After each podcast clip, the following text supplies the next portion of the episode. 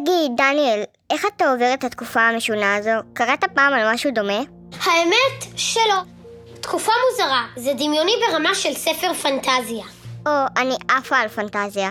קוסמים, מכשפים, גמדים, דרקונים, פיות בחדי קרן. אלים ושדים. כן, כאלה. פחות מסכות ואלכוג'ל. אבל אם כבר חיים בספר, אז לא חייבים לתת למציאות להפריע לנו. חיים בספר, פודקאסט המלצות הקריאה לילדים של דניאל גלוברזון ולו פרנקל רבי. שלום לכל מי שמקשיב לנו עכשיו, וגם למי שהקשיב לנו בפרקים הקודמים. ובעיקר לבועז קוסטר, ששמע את הפרק המיוחד ליום השואה. ובא אלינו הביתה כדי לתת לנו במתנה את הספר שאבא שלו כתב. לספר קוראים חברים לכיתה של אנה פרנק, והוא על שישה מהחברים לכיתה של אנה בבית הספר היהודי באמסטרדם ששרדו את השואה. אחד מהם הוא תאו קוסטנר, אבא של בועז שאסף את סיפורי ההישרדות של חמישה חברים מהכיתה. אז תודה רבה בועז, מאוד מאוד התרגשנו מזה שהקשבת לנו, ורצית לשתף אותנו בסיפור של אבא שלך ושל חברים שלו. והיום, פרק שיוציא אותנו קצת מהמציאות לעולמות הפנטזיה. תהיה לנו כמובן פינת ראשית קריאה עם ההמלצות שלנו לאחים ולאחיות הקטנים שלכם. וגם המלצה לספר חדש על המדף. ואפילו המלצה לספר באנגלית. סיריוסלי? Definitely. דניאל, לאיזה ספר שקראת פעם כשהיית קטן היית חוזר? אמ... אוי, ברור שבאושר ואושר כאילו. גם עכשיו, כשאחותי קוראת את הסדרה, אני לפעמים לוקח לה את הספר וחוזר לקרוא שוב. לפחות בזמן שאני אוכל את ארוחת הבוקר שלי. יופי, דניאל, במקום ללמוד איזה שיעור במערכת השידורים הלאומית. אז לטובת כל הילדים שמתחילים לקרוא, נעבור לפינת ראשית קריאה. פינת ראשית קריאה. באושר ואושר כאילו, מאת שרה מלינובסקי. תרגמו חגי ואסף ברקת. זו סדרת ספרים שלגיבורה קוראים אבי ולאח שלה ג'ונה. הם יוצאים להרפתקאות בדרך כלל ביחד עם הכלב שלהם, נסיך. הם נכנסים לאגדות דרך מראת קסמים במרתף שלהם. לאגדות כמו סינדרלה, היפהפייה הנרדמת. היפה והחיה ועוד הרבה אגדות אחרות. אני תמיד בלחץ שההורים שלהם יגלו את הסוד הגדול שהם מסתירים מהם. איזה ספר אתה הכי אוהב מהסדרה? נראה לי שאת אלאדין, ואת? היי, גם אני. אבל בעיקרון אני לא אתנגד להיכנס לכל אחת מהאגדות דרך המראה בארון שלי. ורק שתדע לך שבאנגלית יש כבר 15 ספרים. האחרון שיצא הוא אבי בארץ עוץ. מגניב!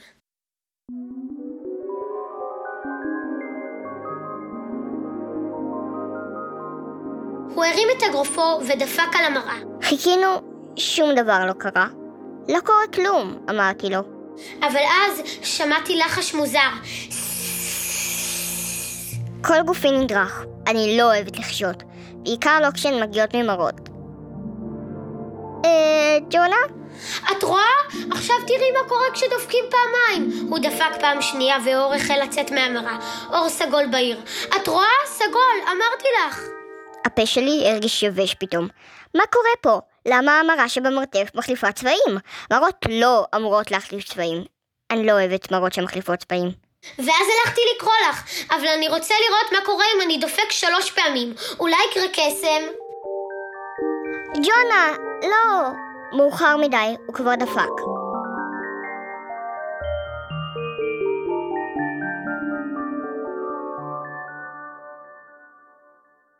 נראה לי שמי שאהב את באושר ואושר כאילו, יאהב גם את הסדרה קסם לא נורמלי, ששרה מלינובסקי כתבה יחד עם עוד שתי סופרות אמריקאיות מצליחות, אמילי ג'נקינס ולורן מירקל. אבל מי שקרא את הספר לא קורא לזה קסם לא נורמלי, אלא קלן, שזה השם של הכיתה המיוחדת לתלמידים בעלי כוחות קסם חזקים, אבל איך להגיד את זה בעדינות? לא נורמליים? תודה, דניאל.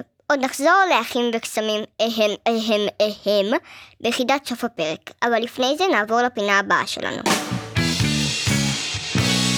פינת חדש על המדף. עם הספר מועדון הבייביסיטריות שלוש, מבחן של מרי אן.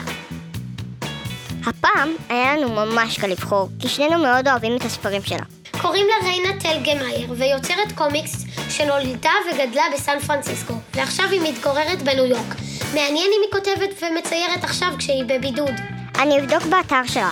הספרים הכי מפורסמים שלה הם חיוך ואחיות, שמבוססים על הילדות שלה. ואני אוהבת את היצירות שלה מאוד, לא רק את מועדון הבייביסיטריות, גם את דרמה, את רוחות ואת אומץ. כי את בעצמך קומיקסאית מתחילה. לא כל כך מתחילה, אני אראה לך מתישהו. עקרונית, הייתי אמור לקרוא כבר את הספר. אני מחכה כמה ימים למשלוח שאימא שלי הזמינה מרשת ספרים מוכרת, והוא לא מגיע. למה זה מתעכב? ממי הזמנתם? אני לא אנצל את הפודקאסט כדי לקבל את זה בהליך מזורז. אחכה בסבלנות עוד כמה ימים, ואז אשלח להם הודעה זועמת. זאת הייתה אמורה להיות מתנת האפיקומן שלי. בסוף נאלצתי להסתפק בלגו. ידעתי שאקבל לגו. ממש סיפור קורע לב. בפעם הבאה אני ממליצה לך פשוט להוריד ספרים דיגיטליים. יש עכשיו אפילו הרבה ספרי ילדים בעברית, לקינדל, רק שתדע. עכשיו את אומרת לי, ואם כבר מדברים על קינדל, אני רוצה להמליץ היום על ספר באנגלית. פינה חדשה? כן, why not? במיוחד שאין בית ספר כבר נצח. לקרוא באנגלית זו שיטה מצוינת לשפר את מגוון התוכניות לצפייה בנטפליקס. ונתחיל מהסדרה My Weird School של דן גוטמן. אני לא קראתי את זה, אז תספרי לי על זה קצת. הסדרה היא על ילד ששונא את בית ספר, שקוראים לו אייג'י, ועל החברים שלו, המחנכת, המנהל והספרנים. כולם טיפוסים מוזרים וקוראים מצחוק. בספר הראשון, המנהל קלץ מבטיח לילדים שאם הם יקראו מיליון עמודים, הוא יהפוך את בית הספר למשחקיית וידאו, למתחם גיימינג ענק ללילה אחד. Would you be interested in renting the school for a night? How much would that cost? I asked. One million pages, Principal Klatz replied. Huh? You can turn the school into a video game arcade for one night if you kids read a million pages in books. A million pages? That sounds like a lot of books. How about a thousand pages? I suggested. Take it or leave it. That's my final offer. A million pages, said Principal Klatz.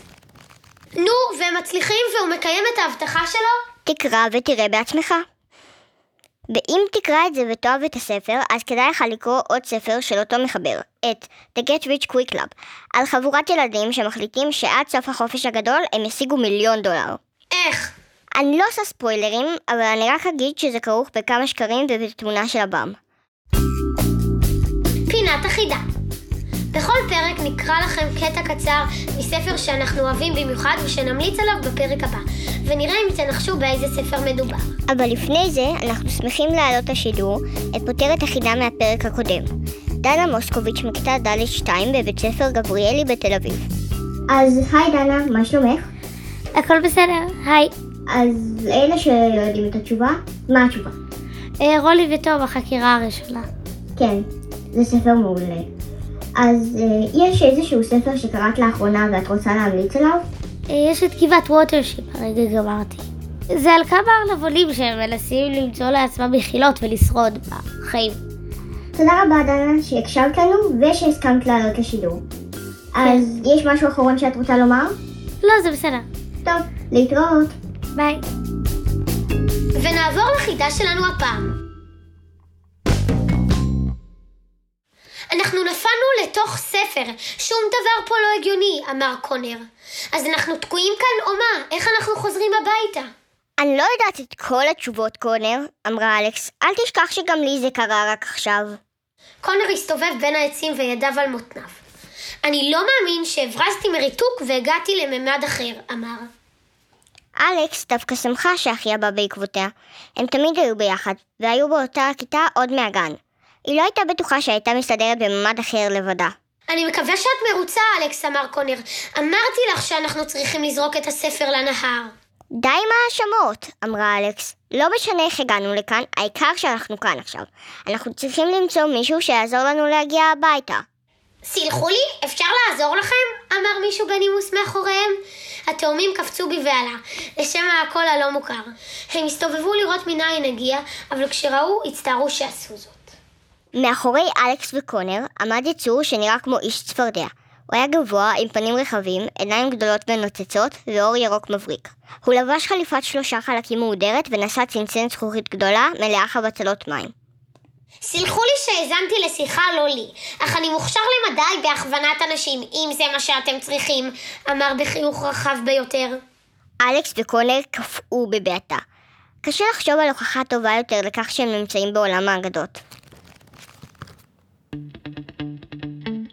נו, הצלחתם לנחש באיזה ספר מדובר? כתבו לנו לעמוד הפייסבוק, פודקאסט חיים בספר, המלצות הקריאה של דניאל ולו, ואולי אפילו נעלה אתכם לשידור בפעם הבאה. תודה לכם שהקשבתם לנו. אל תשכחו לדרג אותנו באפליקציות הפודקאסטים של אפל ופודמין. והכי חשוב, לספר לחברים שלכם עלינו. לא, הכי חשוב זה לקרוא את הספרים שהמלצנו עליהם. אז תודה לעורך הסאונד ניר לייס. ותודה לך, דניאל גלוברזון. לא, תודה לך, פרנקל רבי. אנחנו חיים בספר, ואתם? תבואו גם בפעם הבאה.